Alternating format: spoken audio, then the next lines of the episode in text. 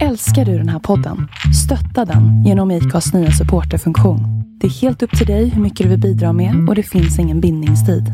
Klicka på länken i poddbeskrivningen för att visa din uppskattning och stötta podden. Hej kära lyssnare och varmt välkomna ska ni vara till ett nytt avsnitt utav Sveriges mest tongivande podcast. Två låtar och en kändis.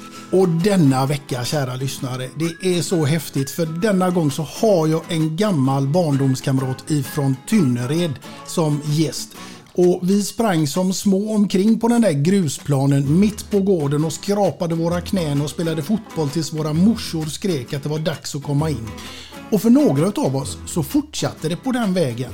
Men eh, min gäst här idag, han fann kärleken även till gitarren. Så till den milda grad att den kom att förverkliga hans pojkdröm om att en gång få bli den där rockstjärnan och spela världen över inför jublande fans. Han startade bandet Angel men slog igenom, tycker jag i alla fall kanske, med In Flames och är idag aktuell med bandet The Halo Effect. Kära lyssnare, låt mig nu i sedvanlig ordning och med största stolthet och respekt presentera gitarrgurun och låtskrivaren Niklas Engelin.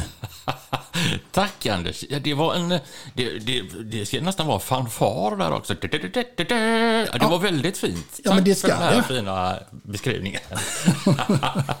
Herregud, det är många år sedan Niklas. Ja, det är det. Eh, Tynnered, Briljantgatan, grusplanen som de sen spolade till is på vintern. Ja, Det var ju fantastiskt. Och de som inte kunde bromsa med sina skriller bromsade ju och åkte rätt in i taggbusken.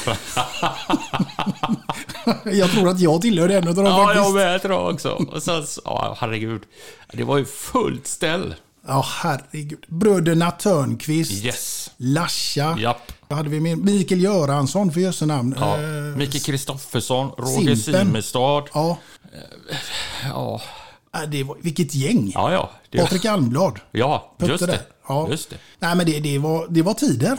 Verkligen. Det är fantastiska tider. Och vilken grym eh, förort. Ja. Tynnered. Du, vi, Briljant. Absolut, vi ska komma in mer på det. Men först nu Niklas så vill jag ju fråga, hur står det till med Niklas Engelin en dag som den här? Jag tycker det är fint faktiskt. Jag är här hos dig och får vara med på din podd och dricker kaffe och vatten så snuset där. Nej, men jag känner mig väl redo och Ja. eh, glad faktiskt. Härligt, då ska vi gå igenom eh, din eh, resa och delvis våran får man ju säga då. Japp. Men du är född den 27 december 1972 i Göteborg och uppväxt i Frölunda. Hur var din uppväxt där egentligen? Alltså, jag tycker det var helt fantastiskt. Helt grymt. Jag har inget att klaga på egentligen. För att jag gick ut på gården, jag var väl tre och ett halvt, fyra kanske. Det stod Törnkvistarna. Det var det dags att spela fotboll. Tjoff, pang, bom, rätt in i skogens IF. Eh, föreningsliv. Och sen bara spela och sen så i stora drag. Sen så plingade det på dörren, det stod Magnus Törnqvist, jättelångt hår. Klockan var fem och det var söndag och då var det dags att åka till Fryshuset. För då fick jag åka med dem när de repade med sitt band. Och då blev man ju helt... Det här är det coolaste som finns, det här är det häftigaste, wow! Och då, ja, då hamnar man ju liksom, då fick man ju spela själv. Så anmälde man sig till frivilliga aktiviteter på torsdagar och då var det på Topasens fritidsgård. Eh, två timmar och där spelade man också.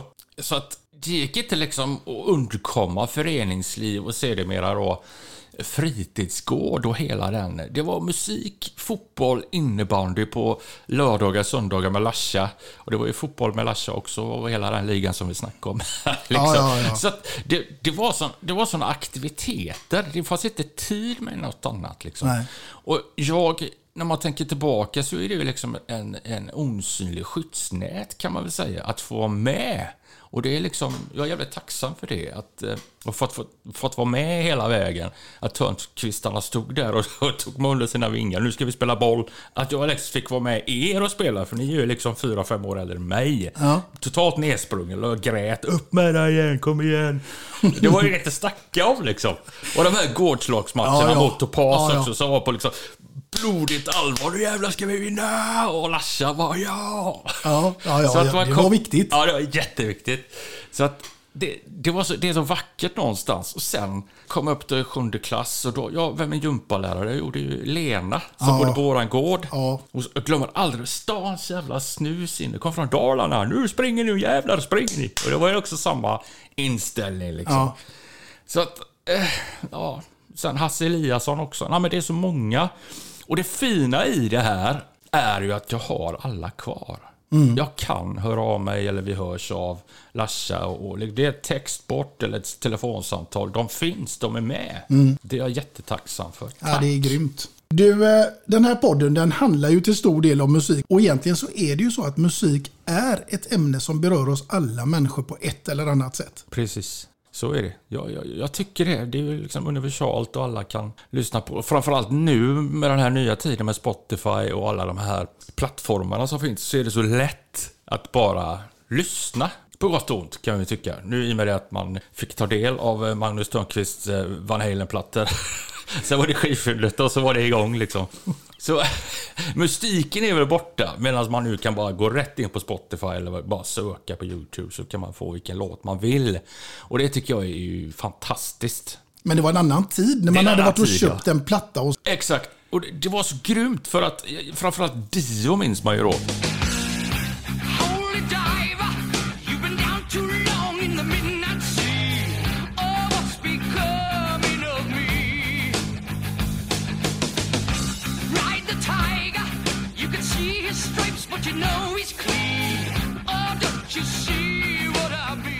Man läste i tidningen Okej om det här att det var då en reportage hemma hos Dio satt han med något svärd och en kaffekopp och posade. Liksom. Ja, det är fantastiskt grymt! och då hade han släppt någon singel då, The Last In Line eller Hunger for Heaven och så gick den videon då på Sky Channel som var ganska nytt för oss då, på vårkanten. Och så visste man att när kommer skivan, när kommer skivan? Ah, så här. Och så då samma vecka som skolan började i augusti. Ja visst, då stod det ju 1000 plattor nere på skivfyndet och alla skulle ha varsitt ex. Ja. Och så veckan därefter annonserades det. Dio på Skandinavien. Biljettpris 95 kronor. 5 kronor förköp. Ja.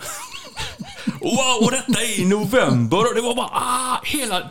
Då kan man ju liksom se hur vilket bra jobb skivbolaget och hela organisationen kring Dio jobbade. Ja. De höll ju oss kids fans i ett järngrepp sen april, maj samma år. Så det var ju hela året för att bara gick åt Dio liksom. Ja, ja, Så det är ja. fantastiskt. Verkligen. Vilket är ditt egentligen absolut första musikaliska minne som du kan härleda till från en sån där tidig, tidig ålder? Oj, det är nog eh, hemma hos Magnus Törnqvist och han tog fram sin silvriga Ibanez och började spela. Det var jävligt coolt. Tyckte jag var skitfräckt. Och sen så samma veva så var det Mike Oldfield. Eh, Moonlight Shadow tyckte jag var wow, häftigt.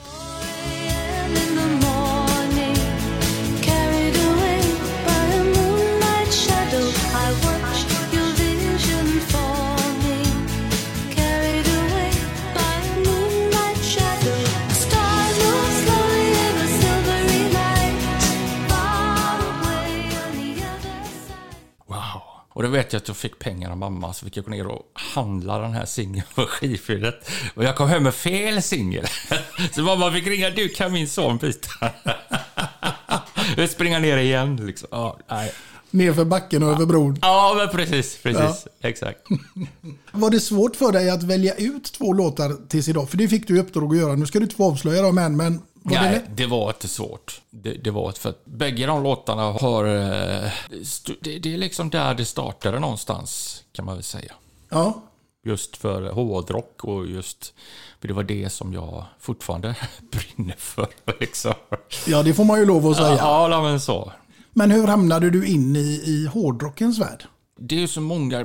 Det är på gården liksom, när vi spelar fotboll och sådär. Och sen så får jag hänga med Magnus Törnqvist och Mats hem Och då har Magnus första Van Halen-plattan som han slänger på.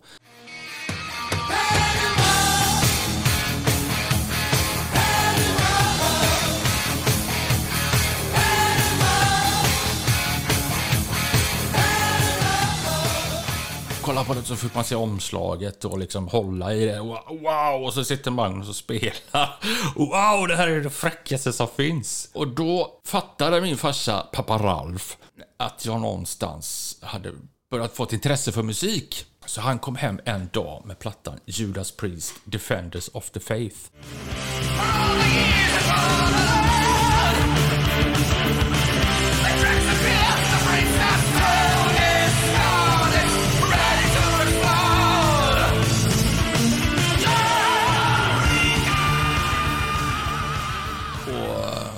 vad är det här? Jag förstod inte. Så öppnade jag innepåsen och så står ju de där i eh, läder, nitar och eh, Flying V-gitarrer och långt hår. Och det var ju bara wow! Och så slängde han på plattan. Det bara, du vet när man blir träffad av blixten sådär. Det är bara wow! Det här är det tuffaste. Det, det, och så en röd Flying V Gibson är det på den innepåsen där. Där någonstans. Och sen så bara blir man ju, man var som en, är fortfarande som en svamp liksom så.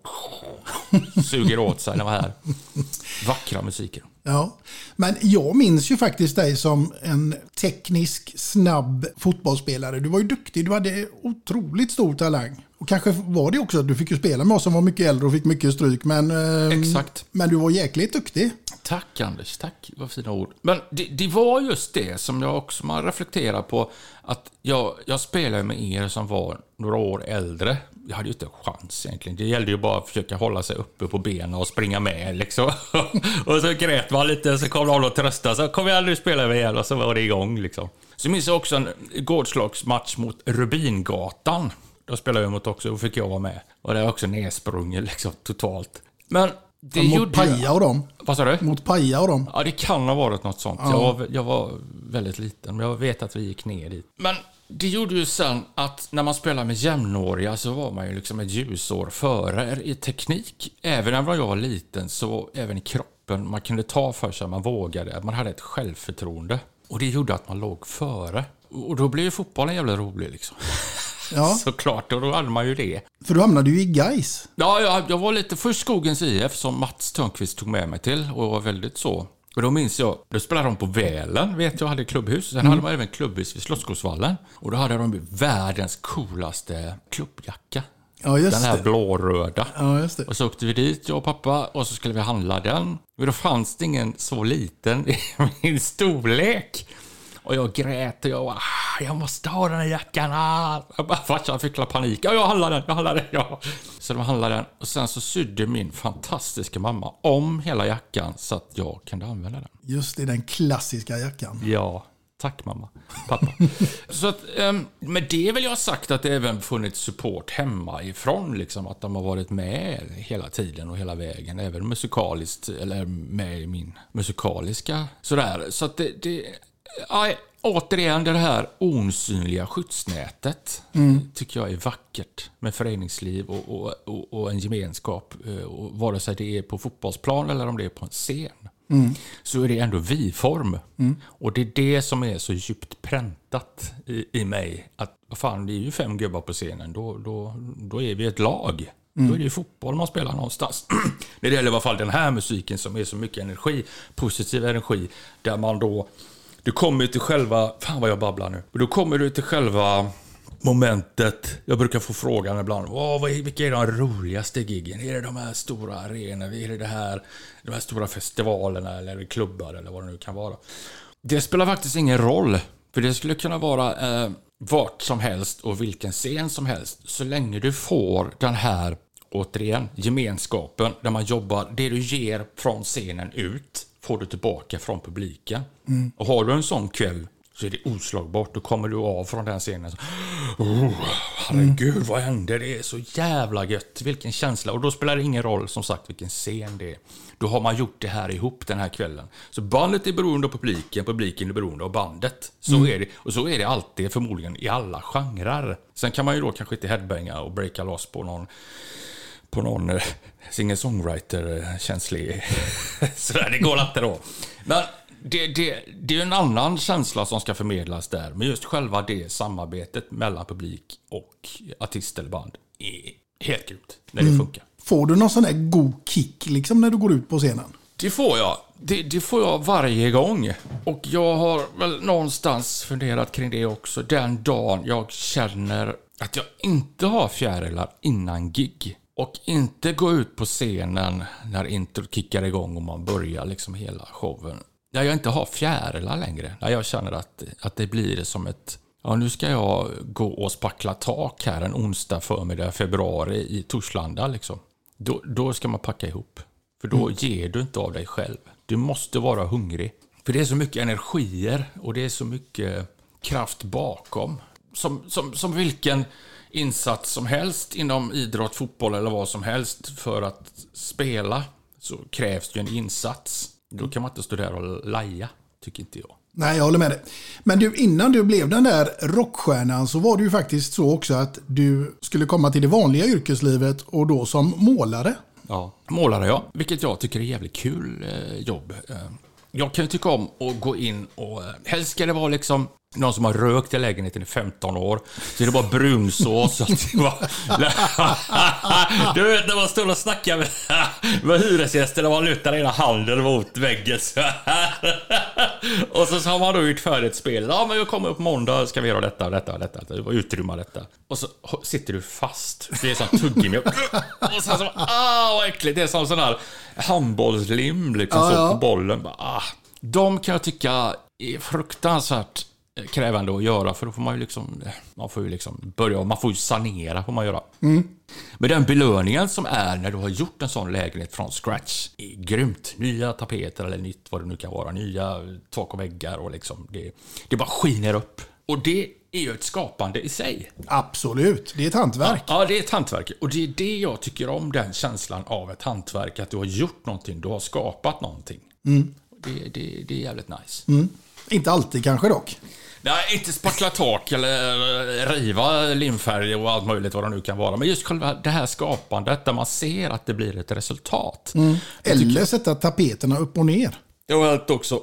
Fan, vad gjorde bort mig. Ja, du, får, Totalt. måste, du måste ju berätta det Niklas. Jag fortsatte ju jobba eh, som målare. Och så var man ute och turnera och så gjorde man sex veckor, kom hem och så tog man två dagar off och sen ut tillbaka. Så, så körde man ett par år, eller jag gjorde det. Eh, och till slut så blev det ju fel. För då, det gäller ju också då en viktig sak som jag tror man kan applicera på vilken människa som helst. Det gäller att vara här och nu i nuet. Nu sitter jag hos, hos dig Anders här och vi har den här fina poddstunden. Det är viktigt att vara här. Man kan ju Absolut. lätt att skena iväg. Åh, ska lämna in bilen imorgon och vinterdäck och så är det igång liksom. Och då stod jag där och gjorde en, eh, en hall. Och det var en sån här Dracula-tapet, sån här röd blod med massa volanger och grejer på.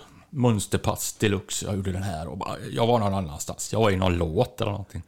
Tänkte inte mer på det. Jag gick därifrån. Så var... Herregud vilken utskällning jag fick dagen efter. Jag hade satt tapeterna upp och ner på. ah, förlåt hyresgäster, det var inte meningen. Men du stod där och var inne i något helt annat gig. Ja, eh, gig eller någon låt eller någonting liksom. Jag, jag var inte att måla. Det var jag inte. Nej. Och sen den dagen så eh, tänkte du att nu är det dags att... Ja, då, då kände jag väl att jag ska göra en grej och så ska jag vara med kroppsligt och själsligt i det. Absolut. Men du, vi måste gå tillbaka lite här nu till din musikaliska resa. Startade på 80-talet, jag gick i mellanstadiet. De har ju fått med, hänga med Magnus Törnqvist och träffa även Hasse Eliasson och de här liksom. Och de har ju liksom sket mycket hår, jättelångt hår och de har liksom... De är ju rockstjärnor va? Man vill ju se ut som dem. Så vi startade bandet Rising. Kenta, Jonta, Jim, Fredrik. Och då spelade vi på Tyrolens fritidsgård och det, det var fullt ställ. Och vi hade låttitlar som Mad Men, Evil Darkness, Heavy Metal Christmas, In the Night, Wow Wow Wow. Det, Men det här är på den tiden när jag har lämnat skolan, får man ju säga till mitt försvar då. Ja, ja, ja. Det, det, det är så. Och då, då stod ju Magnus och Hasse och de och bara hejade på. Och de, det var så, de måste ha haft så jävla roligt för vi klädde ut oss och det var trikåer och machetas och det var hela grejen. Kör gubbar, kör! Det är jättebra! Men där någonstans lär man ju sig. Ja. Det, det är liksom där som man då, wow, det här är det tuffaste som finns. ja. Och hur fortsatte denna resan sen? Sedan så börjar man gymnasiet och då träffar man ju andra kompisar och målarlinjen på Flatåsskolan där, eh, Frollagymnasiet. Och då startade jag bandet Sarkasm med eh, Peter, Christer och Bosse. Och då blev det mer thrash metal och då blir det väl lite mer en annan style. Det krävde mer gitarrmässigt att du fick liksom steppa upp. För då hade väl jag och Christer någon slags sån där hälsosam tävlan vem som kunde göra de svåraste grejerna och svåraste solot och såna här grejer. Men det var bara nyttigt, för då förde man ju någonting framåt. Att man ville någonting. Så att det liksom kom ett trappsteg där, fast vi kunde fortfarande inte skriva låtar. Det var ju liksom 180 riff i en låt liksom. Jag vet inte hur vi fick ihop det där. ja, nu kör vi! Wow! Ja, då spelade man med dem ett par år. Och det var en jävligt rolig tid. Där man formades lite grann som musiker och vad man ville göra och hur man kunde göra saker. Sen hade vi jävligt roligt ihop. eh, Som kompisar, det var mycket dumheter. Och, så att vi skrattade mer än vad vi spelade, liksom, kan man väl sammanfatta det bandet. Och sen därefter så blev det väl lite annan musik och man träffade lite andra som spelade lite annan musik. Sen eh, halkade man ju tillbaka på det här med dödsmetall och då blev det Gardenian, hette ett band. Så gjorde vi tre plattor på 90-talet.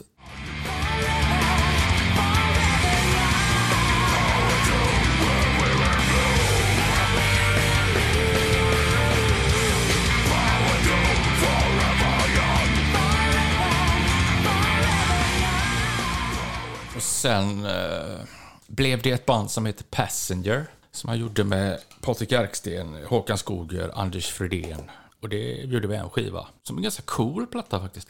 Feels like I'm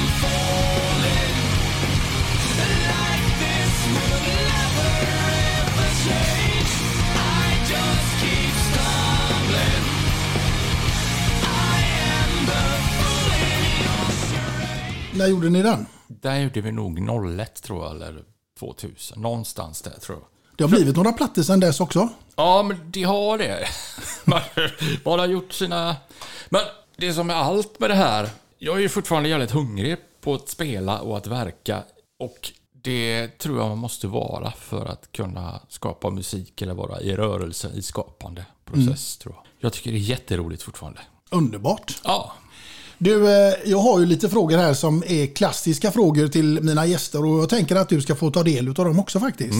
Och en av dem den lyder så här. Nu får vi leka lite med fantasi Niklas. För Ja. det är ju så att du ska befinna dig på en öde ö och du får vara där i ett helt år. Och du får bara ta med dig en enda platta till den här öde ön. Och nu undrar jag, vilken platta skulle det bli? herregud. Det är de här frågorna som skiljer... Den här frågan just kan ju skilja sig från dag till dag. Just nu, här och nu i, med dig så känner jag King Diamond, Abigail. Första Abigail.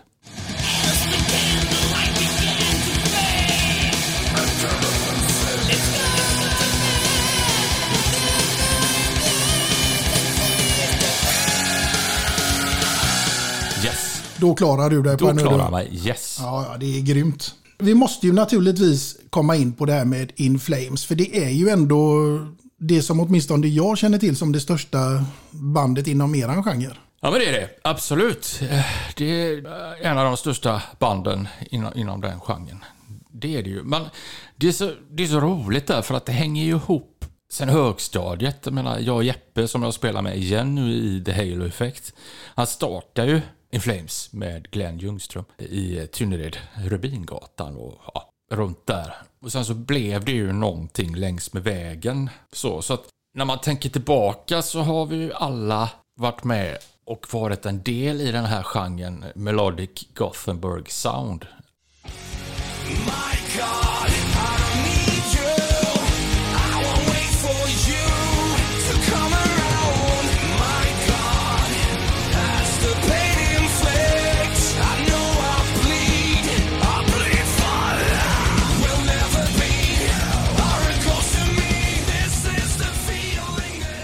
death metal kan man säga då.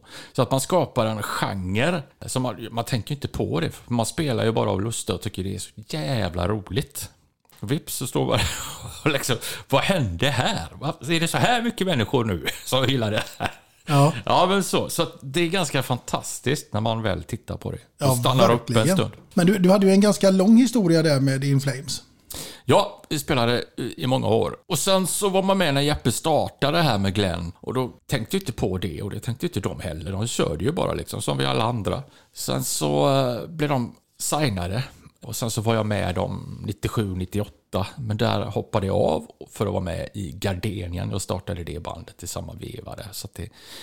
Och sen så har vi alltid haft kontakten i och med att alla känner alla på något sätt. Ehm, det har varit väldigt, ganska tight får man väl säga. Men även då med Hammerfall-gubbarna och vad alla de banden som de hade liksom i, sin, i sitt kölvatten. Eh, sen gjorde vi Passenger, eh, jag och Anders ihop. Och sedan så blev Jeppe sjuk. Någonstans 05 där. Och då hoppade jag in och vickade för honom först. Sen så blev jag medlem i Flames. Mm. Så är det. Och fick åka ut och möta världen med det bandet. Det hade jag ju redan gjort eh, några gånger innan kanske. Sådär Ja. med andra band och alla konstellationer. Men att spela på Scandinavium är ju jävligt fräckt. Ja, absolut. Det, det, det är ju liksom sådär. När man stod där första gången, fan det var ju här Dio, ja det sa vi snackade om innan då, Dio, eh, Last in Line, Sacred Heart, Dream Evil-plattorna de stod, åh för fan, här stod Vivian Campbell som, som, som nu är i eh, Def Leppard. Eh, och han är också en sån gitarrgud för mig liksom så. Och här stod han och gjorde de här poserna. Du vet, man gick igenom hela, när man spelade på Skandinavien förstod man, åh det här är Iron Maiden, wow, wow, wow. så det var liksom, det var mer fokus på vilka band man hade, då stod man där själv liksom så. Måste varit en grym känsla. Ja, fruktansvärt grym känsla. Det, det måste jag säga. Det får ju mig någonstans att vilja fråga dig faktiskt. Vilken är din mest minnesvärda spelning som du har varit med på och upplevt? Ja, det är också en sån klassisk. Men det, det finns så många, så många landmärken för mig inom det i olika konstellationer. Jag menar, så nu när vi, när vi eh, satte igång lite Halo-effekt. Eh, första vi på Sweden Rock på stora scenen. Jag hade ju ingen aning. Vi hade bara släppt tre singlar till det. Eh, och vi skulle framföra en timmas spelning. Vad fan gör vi nu liksom? Vi har plattan, ja, den släpps i augusti. Det här är i juni liksom. Och tre, folk har bara hört tre singlar. Jag får göra ett intro, jag får göra ett outro så vi förlänger. Vi har ju 60 minuter. Och Mikael, du får hålla en monolog eller skriva en dikt eller någonting. Var. Bara rädda den här situationen så. Men det var så fantastiskt, för då gick introt igång. Det är det enda jag minns av spelningen faktiskt. Vi kramade om varandra, lyckade, önskade alla lycka till och så innan. Och så går introt igång och så går man ut under introt och då är, då är det liksom energierna. Du vet, gå ut på fotbollsplanen och folk bara, "Ah", laget så liksom. Man är ju, då, då, då är man in the zone. Ja, Och då är det helt fullsatt på det här fältet. Det är så mycket folk så att, wow, vad fan händer? Det är det enda jag minns. Och sen så minns jag att vi står och kramar varandra efter gigget på scenen. Det, det är bara eufori liksom. Vad händer? Det är ingen som vet någonting. Vi Fan, går ball. av scenen sen och, och det är bara... Och vi, vi, alltså, vänta lite nu. Jag, så alla, vi blev helt tyst. Alla var tvungna att ta in det här. Och det är vackra ögonblick. Det är väl också upplevt eh, många fina sådana med In Flames också, som Borgholm brinner första året. Var ju så första, första kvällen framförallt var helt magisk. Jag minns inte vad som hände. Jag, vet, jag minns entrén och när vi gick av liksom. Och det, det är starkt är det. Det, det, det. Jag ska inte använda ordet drog, men någonstans är det en jävla kick. Och det är de kickarna jag lever på. Det är det som jag blir, wow, jag- vill dit igen och igen och igen och igen. Så. Men hur är det då när ni är ute och turnerar och det är det här hotelllivet? Är det tv-apparater och fylla och droger och brudar och... nej, nej, verkligen inte. Verkligen inte. Det är, jag, som man tänker nu, i och med att det är så jäkla mycket band i och med det att tiden ser annorlunda ut. Det är inte så att man går ner till skivfundet, åh, plattan kommer i september då." och så är det i juni. Det händer ju inte liksom. Ja, jag, jag väntade tre månader då. Nej, det, då, då går det bara rätt i telefonen och så är det fram med iTunes eller Spotify då. Och då gör det att det är så otroligt mycket artister och band. Det är sån hård konkurrens. Så att jag anser att... Eh, nej, vad fan. Det här, är, det här är fotboll på elitnivå. Det här är friidrott på elitnivå. Alltså, det, det är där. Jag, jag går inte upp och lajar. Innan jag går och ställer mig på scenen så har jag övat eller jag har värmt upp kanske minst en timme innan. Jag vill gärna sitta två timmar innan. Och så nykter. Ingenting. För att den kicken får du när du spelar. Så ja, är det. det, det var ett bra svar och ett klokt svar inte minst. Ja, för då...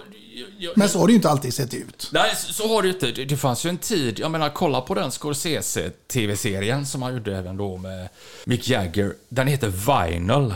Den måste ni se. Den, kan, den är jävligt hård och jävligt tuff. Den handlar om New York, musikscenen på 70-talet. Och där var det kutym, du ska ju knarka. Mm. Det bara är så. De här board meetings som de har på skivbolaget, liksom, det, var ju, det var ju halva Colombia på bordet där och så körde de igång. Även de som jobbade på skivbolaget. Liksom. Ja, ja, ja. Så det är helt vansinnigt. Du, nu ska vi gå in i ett annat scenario här Niklas. För nu är det så här att du går där hemma och eh, städar eller någonting. Och radion är påslagen. Helt plötsligt så dyker det upp en låt som bara du känner nej, nej, nej, inte en chans. Där åker rakt av. Jag, jag kan ha väldigt svårt för... Jag kommer att bli halshuggen eller någonting. Den här populärmusiken, det här skvalet som gärna är på på alla byggen, Riks FM och eller vad det nu allt vad det är, Mix Megapol. Där det bara är någonting. Och det är alltid samma artister liksom så. Ja, vi spelar vad vi känner för dem, men det gör ni ju inte. Sluta nu. Så att det där, det funkar inte. Och jag, jag får bara ont i huvudet, så jag stänger oftast av. Ja, då åker du på något annat i lurarna Yes. istället. Ja. Ja. Nu är det så här Niklas att det har blivit dags för dig att få presentera ditt första låtval för dagen som jag är grymt nyfiken på att få höra vad det skulle kunna vara och med vem och givetvis inte minst varför. ja, det har vi redan gått in på här. Eh, Magnus Törnqvist, han visade mig första Van Halen-plattan. Och han, eh, han satt med sin, eh, med sin Ibanez, Silver Ibanez. Och körde Ain't Talking About Love med Van Halen. Åh, fy fan vilket lick. Vilket riff. Fan, jag ryser. Ja, det är grymt.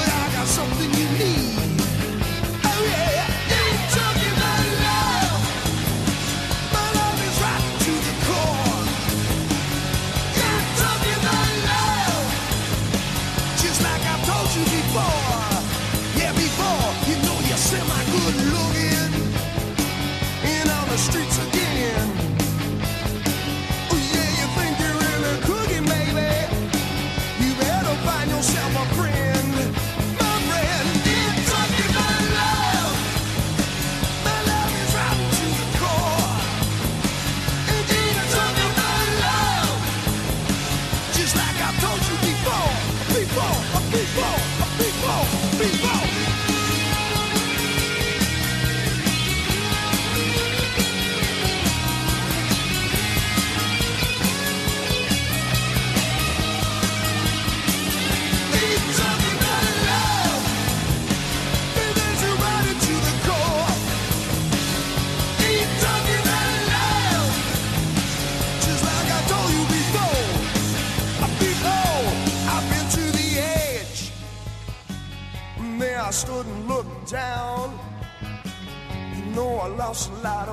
There, baby.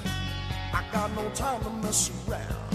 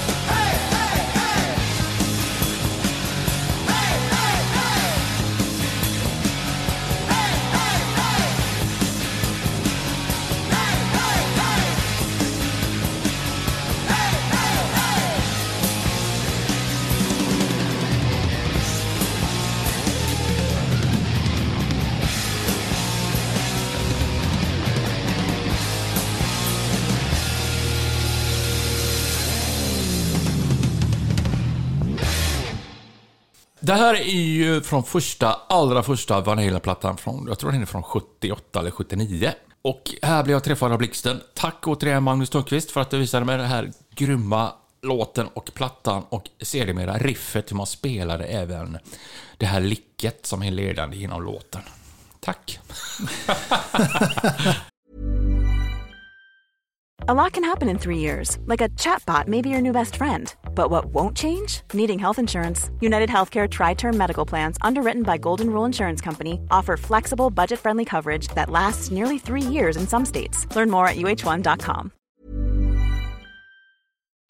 Magnus har följt dig lite genom åren. Ja, han är med. Han och Hasse Eliasson och även eh, Lasha är med också. Alla är med. Liksom. Ja. ja, det var ett riktigt gött gäng. Ja. Det får man lov att säga.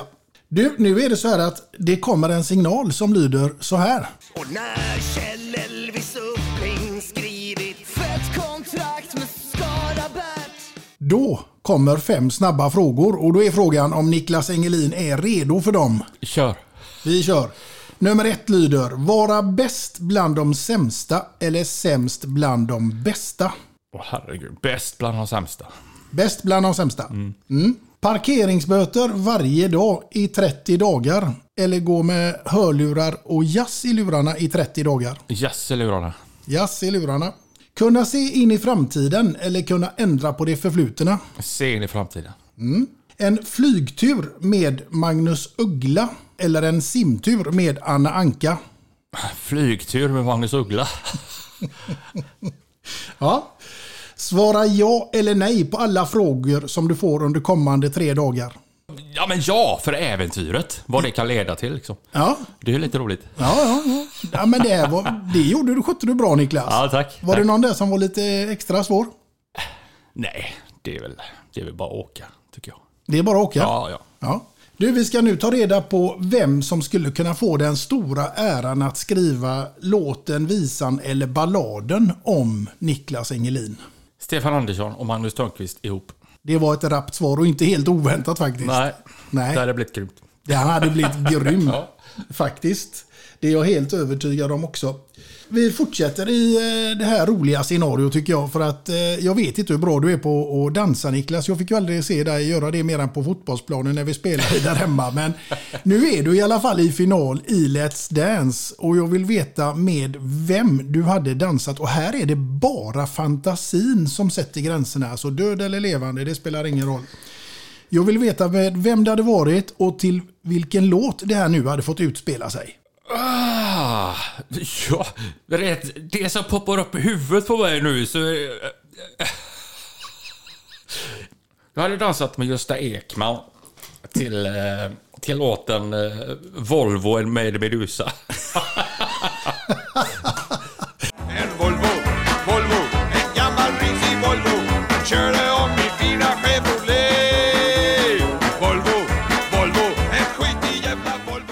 Gösta Ekman Ja, ja. och låten Volvo, en Volvo, en Volvo med en åtta i ryckeloss och kör som själve fan. En jättesnabb låt. Ja, häftigt. Vilket scenario. Ja, ja, ja. Kör bara. Du, vad tror du Tony Irving hade sagt om det? Bara galant, bara galant. Graciöst. Underbart. Du, vi fortsätter i denna fantasins tecken och tar oss ifrån dansgolvet till ett middagsbord. Där du nu ska få ha en gäst också där med enbart fantasin som sätter gränserna, död eller levande. Här vill jag nu veta vem gästen hade varit, vad du hade bjudit den här gästen på till middag och vilken låt som hade fått ligga där i bakgrunden till det här, här fantastiska. Du, jag hade bytt Torbjörn Nilsson. Torbjörn Nilsson. Ja, lätt. Alla gånger. Ja, alltså Blåvitt på 80-talet, hela den, den resan de gjorde där med... Jag har följt det där Ruben Svensson och alla, hela den ligan. Det är så magiskt. Dan Corneliusson. Du, jag måste få berätta en historia. Det här är, det här är så jävla stort. Det här är så coolt. Farsan brukade ta med mig till Ullevi och så kollade vi på Blåvitt. Så minns jag en av matcherna. Eh, jag tror det var Blåvitt Blåvitt Öster kan det ha varit. Det var Dan Corneliussons första match där han fick starta från början. Jag minns målet som igår. Jag kan aldrig... Han, han blev fri i eh, straffområdet. Han tar ner på bröstet. Det var ett sånt jävla snyggt inlägg. Han tar ner på bröstet och bredsidar in den i mål. Förbi Thomas Ravelli. Ja. Och det här var som magi. Jag vet inte varför. Och det- var liksom... När var, hur gammal var jag då? 7, 8, 9 eller 10? Någonstans där liksom. Så att det, det, var det en dröm? Eller var det... Ah, nej, jag, vi gick ju ganska frekvent och kollade på fotboll sådär. Och så eh, tar det väldans massa år. Och så är jag... på- Jag har ett område och ska måla. Där jag liksom har hand om området. Så, så får jag då den här ordern. Du ska upp och göra fyra rum eller tre rum eller något sånt där. Corneliusson, jag tänker inte mer på det. Ja, men då får jag liksom gå upp och förarbeta, gå upp och prata med hyresgästen och sådär. Och avtala tid och sådär. Så på dörren. Vem öppnar? Med samma sidbena. Jag blev helt stum. Där står ju Dan Corneliusson. Fy fan vad mäktigt det var. Jag blev helt... Jag, jag, jag kunde inte tala. Jag blev ju liksom sådär eh, fanboy liksom. Så, ah! Eh, och sen så eh, gjorde jag, tror jag gjorde tre rum där eller någonting. Och det var helt fantastiskt. Och då, när jag förklarade den här historien då. Och, och då svarar ju han, ja jag vet, jag tog ju ner på bröstet va. Alltså, så var det en bredsida in va. Wow, wow. Och då fick man ställa de här frågorna. Fan, jag ryser nu. Tack då, Cornelis, för att jag fick ställa de här frågorna om Blåvitt och, och alla hjältar liksom så. Jo, återgå till den här middagen så är det då Torbjörn Nilsson, som vilken fotbollsspelare och som fortfarande är aktiv strateg eh, inom föreningsliv. Eh, eh, vilken inspirationskälla och vilken kraft det är. Liksom. Jag är väldigt inspirerad av det. Som man kan ta med sig musikaliskt i det som jag sysslar med. Och jag hade bjudit på mina hemmagjorda egna köttbullar med min egna tomatsås. Och någon fin pasta till detta. Och så hade jag spelat plattan Grace med Jeff Buckley i bakgrunden.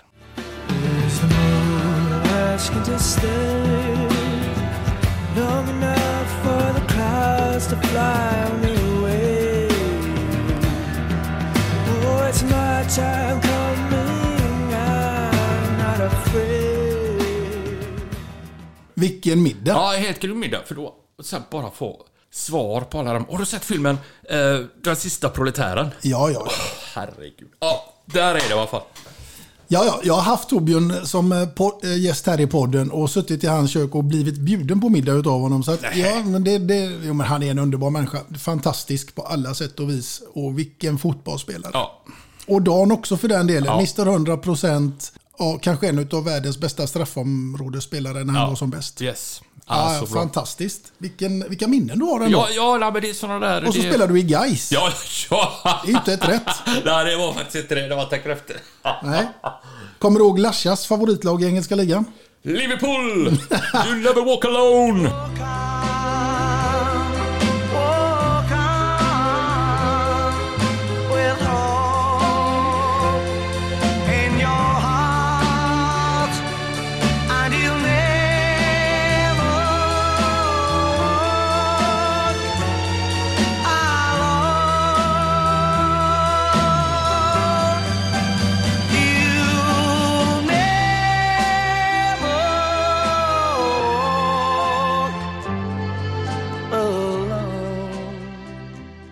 Det var ju, det gick ju, det var ju bara, nu är det Liverpool. Så, Ja. klart där. Underbart. Ja, det, fan vad grymt. Du, fan vi fortsätter i fantasins tecken. Det var kul, så du, för nu ska du få ett uppdrag här som är ganska kul. Du minns ju säkert sagan om Snövit och de sju dvärgarna med tanke på att du har fyra systrar som säkert har berättat någonting för dig om det. Ja, ja, ja. Du känner till de olika karaktärerna där i? Ja, det minns jag inte riktigt. Nej, men det är ju alltså Kloker, Toker, Trötter Ja, ja, ja. och de här va? Ja, just det. Ja. Och nu ska du nämligen få placera ut människor här som du känner och som passar in under respektive Ah. karaktär. Va? Och då tänkte jag fråga dig, vem utav alla Niklas skulle kunna få bli Kloker? Lars-Göran Johansson. Lasha får bli Kloker. Ja, ja, ja, lätt alltså. Ja, ja, ja.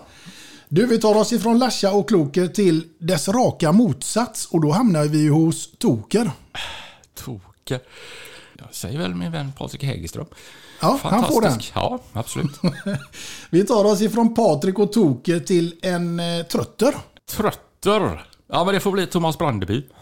Han får bli Trötter. Ja. Ja.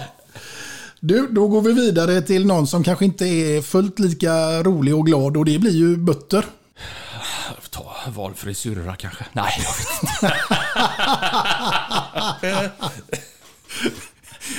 Nu ligger du på deras shitlist. Ja, precis. precis. Ja, ja. Ska vi... Det får bli så där eller? Ja, vi kör. Ja, vi det kör. det. roligt. Ja, ja. Du, vi tar oss till dess raka motsats då och då blir det ju Glader. Ja, Glader. Ja, men vad fan, det är Magnus Törnqvist. Han får vi. bli där. Japp. Ja. Och Blyger då? Blyger? Jag vet inte. Roger Simestad. Ja. Och Prosit. Prosit. Men det här det, det var ju en av de svåraste frågorna, de här... eh, Patrik Almblad. Ja. Och då så ska vi ta den sista här nu också. För det finns ju någonstans ändå en Snövit också. Här spelar det ingen roll om det blir en kvinnlig eller manlig version på Snövit. Vem får det bli? Ja, Mats Törnqvist. Mats får ta den. Tänk dig om alla de här karaktärerna på slottet och sy en klänning. Vad tror du om det? Ja, det hade blivit genialiskt. Ja. Vilket samarbete. Eller i ett Ja. metalband. Det hade varit grymt. Det hade varit utmanande. Säkert. Med dig som coach. Ja, ja, precis. Ja. Om vi går tillbaka lite grann nu till din musikaliska karriär. Vad har du på gång nu med det nya bandet The Halo Effect? Eh, vi kom precis hem från en turné i Australien, Nya Zeeland. Vi eh, har spelat in en ny skiva.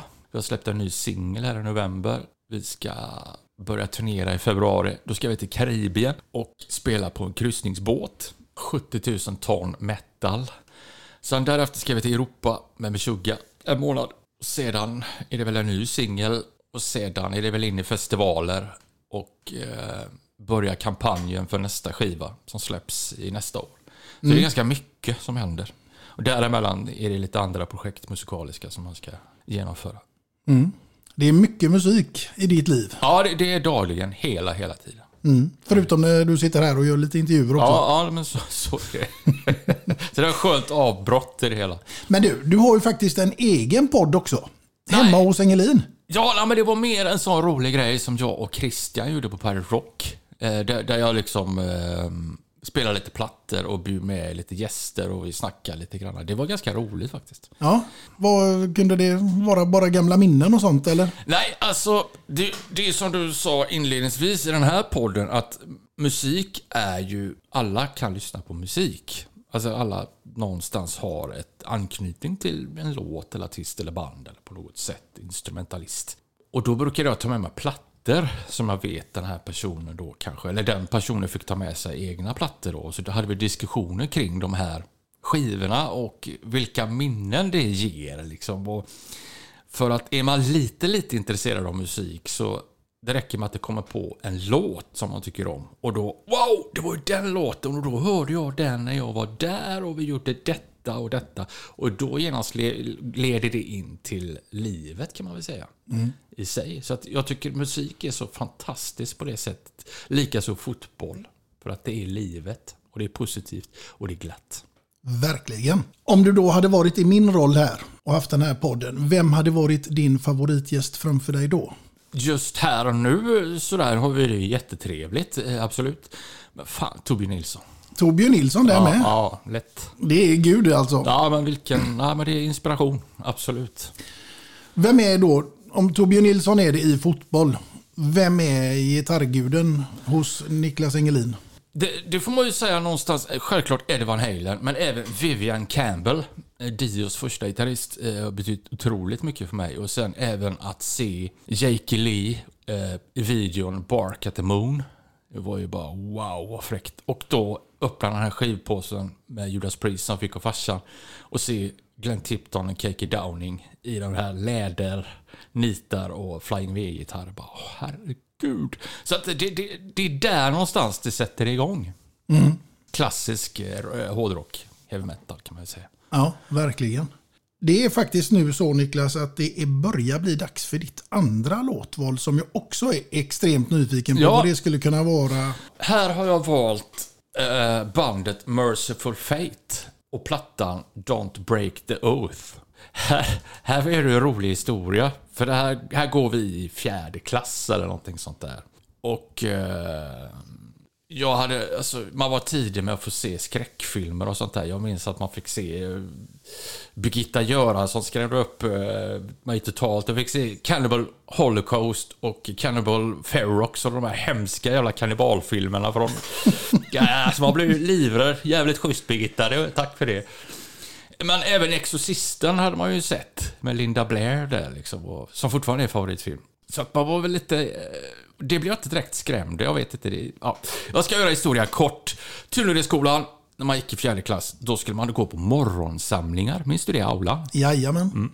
Och det var ju varje torsdag eller någonting sånt där. Och man startade där uppe då 20 över 8 eller 8 eller någonting. Så var detta i 20 minuter eller en halvtimme. Och så var det då valfri lärare som stod och berättade om vad som hade hänt i världen och sin synpunkt på det här som vi alla då skulle liksom... Egentligen satt man ju bara av de lektionerna för man förstod ju inte vad de pratade om egentligen. Förrän overheadmaskinen sattes igång och det bara yrde damm sådär som det kunde göra. Så där luktade lite halvbränt i aulan. Så. och det släcktes ner och den här torsdagen var det då musikmagistern som hade då Fast han, man hade inte musik förrän i sjunde klass och här gick vi då i fyran, femman. Och, eh, han bara släckte ner. Och på, projicerades på duken var eh, artisten King Diamond. Och han har ju, han har ju corpse paint, alltså målning, kissmålning i ansiktet. Och det var, fast han var ju mer satanisk, upp och nervända kors och det var mer och då kan man någonstans relatera till Exorcisten och de här hemska, wow, vad är det här liksom? Och han var helt skogstokig och seriöst jättearg. Det här är satans musik. Det här ska ni inte lyssna på. Det här är inte musik. Det här är skit. Och det bara gick på. Och jag och min kompis Kim tittade på honom. Det här är det bästa och coolaste vi har sett. Såklart att det blir en moteffekt när man ser det.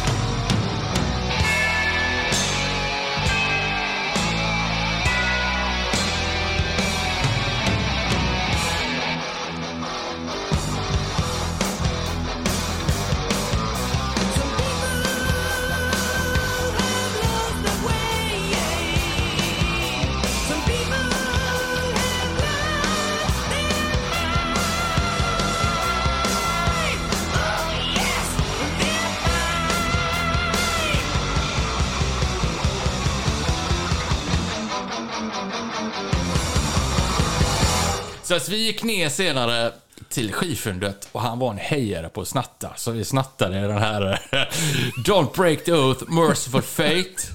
Sen så gick jag hem till han, för att han, hade inga föräldrar hemma hos sig eh, på eftermiddagen där. Min mamma var ju hemma, dagmamma.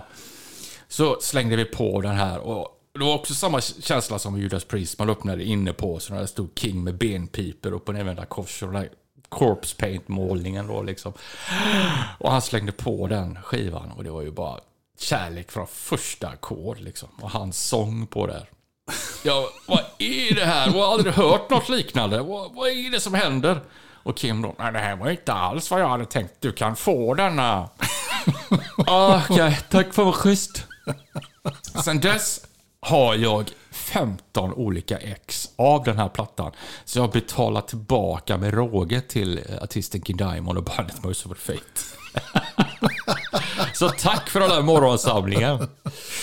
Ja, den kommer att prägla dig. Men du Niklas, jag tänker att det här med inspiration är ju ändå ett rätt viktigt ämne. För det får man ju hämta var, överallt här i livet. Men när du ska skapa din musik, var hämtar du inspirationen då? Det kan ju vara från precis vad som helst. Nu har man ju spelat och övat och varit runt överallt och spelat. Så att någonstans har man nått den punkten där man har sitt egna fingeravtryck. Alltså man har skapat sitt egna sound och, och um, låtskriveri och, och, och dylikt. Sådär. Så att självklart kan man aldrig få nog av att öva upp um, motoriken och muskelminnet och lära sig nya saker. Det är fort, väldigt, fortfarande som en svamp med det där. Men jag kan tycka att nu för tiden kan en inspiration komma med ett samtal med en, med en kompis eller ett möte mellan människor eller man är på en, på en plats på jorden som är ganska inspirerande. Eller man läser, jag läser väldigt mycket böcker och det tycker jag är väldigt inspirerande. Vad läser du för typ av böcker då? Jag, jag läser om allt möjligt kan man väl säga. Det som jag finner är eh, intressant. Och jag tycker att det är så jäkla skönt med en bok. Framförallt en, givetvis en bra bok. För att det är en verklighetsflykt. Familjen har gått och lagt sig, det är helt tyst. Och bara få försvinna in i en bok är helt magiskt för min del. Eh, Likaså att gå ut och springa varje dag tycker jag är också magiskt. Det är någon slags meditation i det där och även sitta och spela, en nudla som man kallar det. Men böcker som jag nu har läst är ganska intressant för då har jag läst om, om eh, The Eagles, bandet Eagles. Och även en biografi med Robbie Krieger, gitarristen i The Doors. Och även FBI, eh, hur de eh, bildade och kom upp med det här DNA, hur de kunde ringa in seriemördarna och hur de liksom kunde liksom jobba på ett annat sätt, hur det formades. Det tycker jag är jävligt intressant. För då om man fördjupar sig, från, till exempel då The Eagles då, som någonstans bildades 70 eller 69 eller någonstans, och där var ju även The Doors aktiva. Och det var ju i Los Angeles. Och alla skulle dit och det var där man skulle söka lyckan. Folk, rock, musik någonstans då. Alla, och även inom film då. Eh, så det blev ju en metropol. Varmt och gott och det är liksom så fint. Ehm, Men det var otroligt dekadent också. Samtidigt. Så jag menar som The Eagles då till exempel då som nådde sådana otroliga framgångar. Men de bodde i de här flashiga husen i Hollywood Hills liksom. Men egentligen var det bara totalt mörker och dekadens. Och det fanns ingen ände på det. Och i det här blir ju det en slags eh, kultur. Eh, En livsstil också. Där även då seriemördare blir som rockstjärnor för att de får som medial uppmärksamhet under den här tidsåldern då, eller det här 70-talet, även in på 80-talet. Och fan, det hade man inte tänkt på The Eagles-plattan Hotel California egentligen.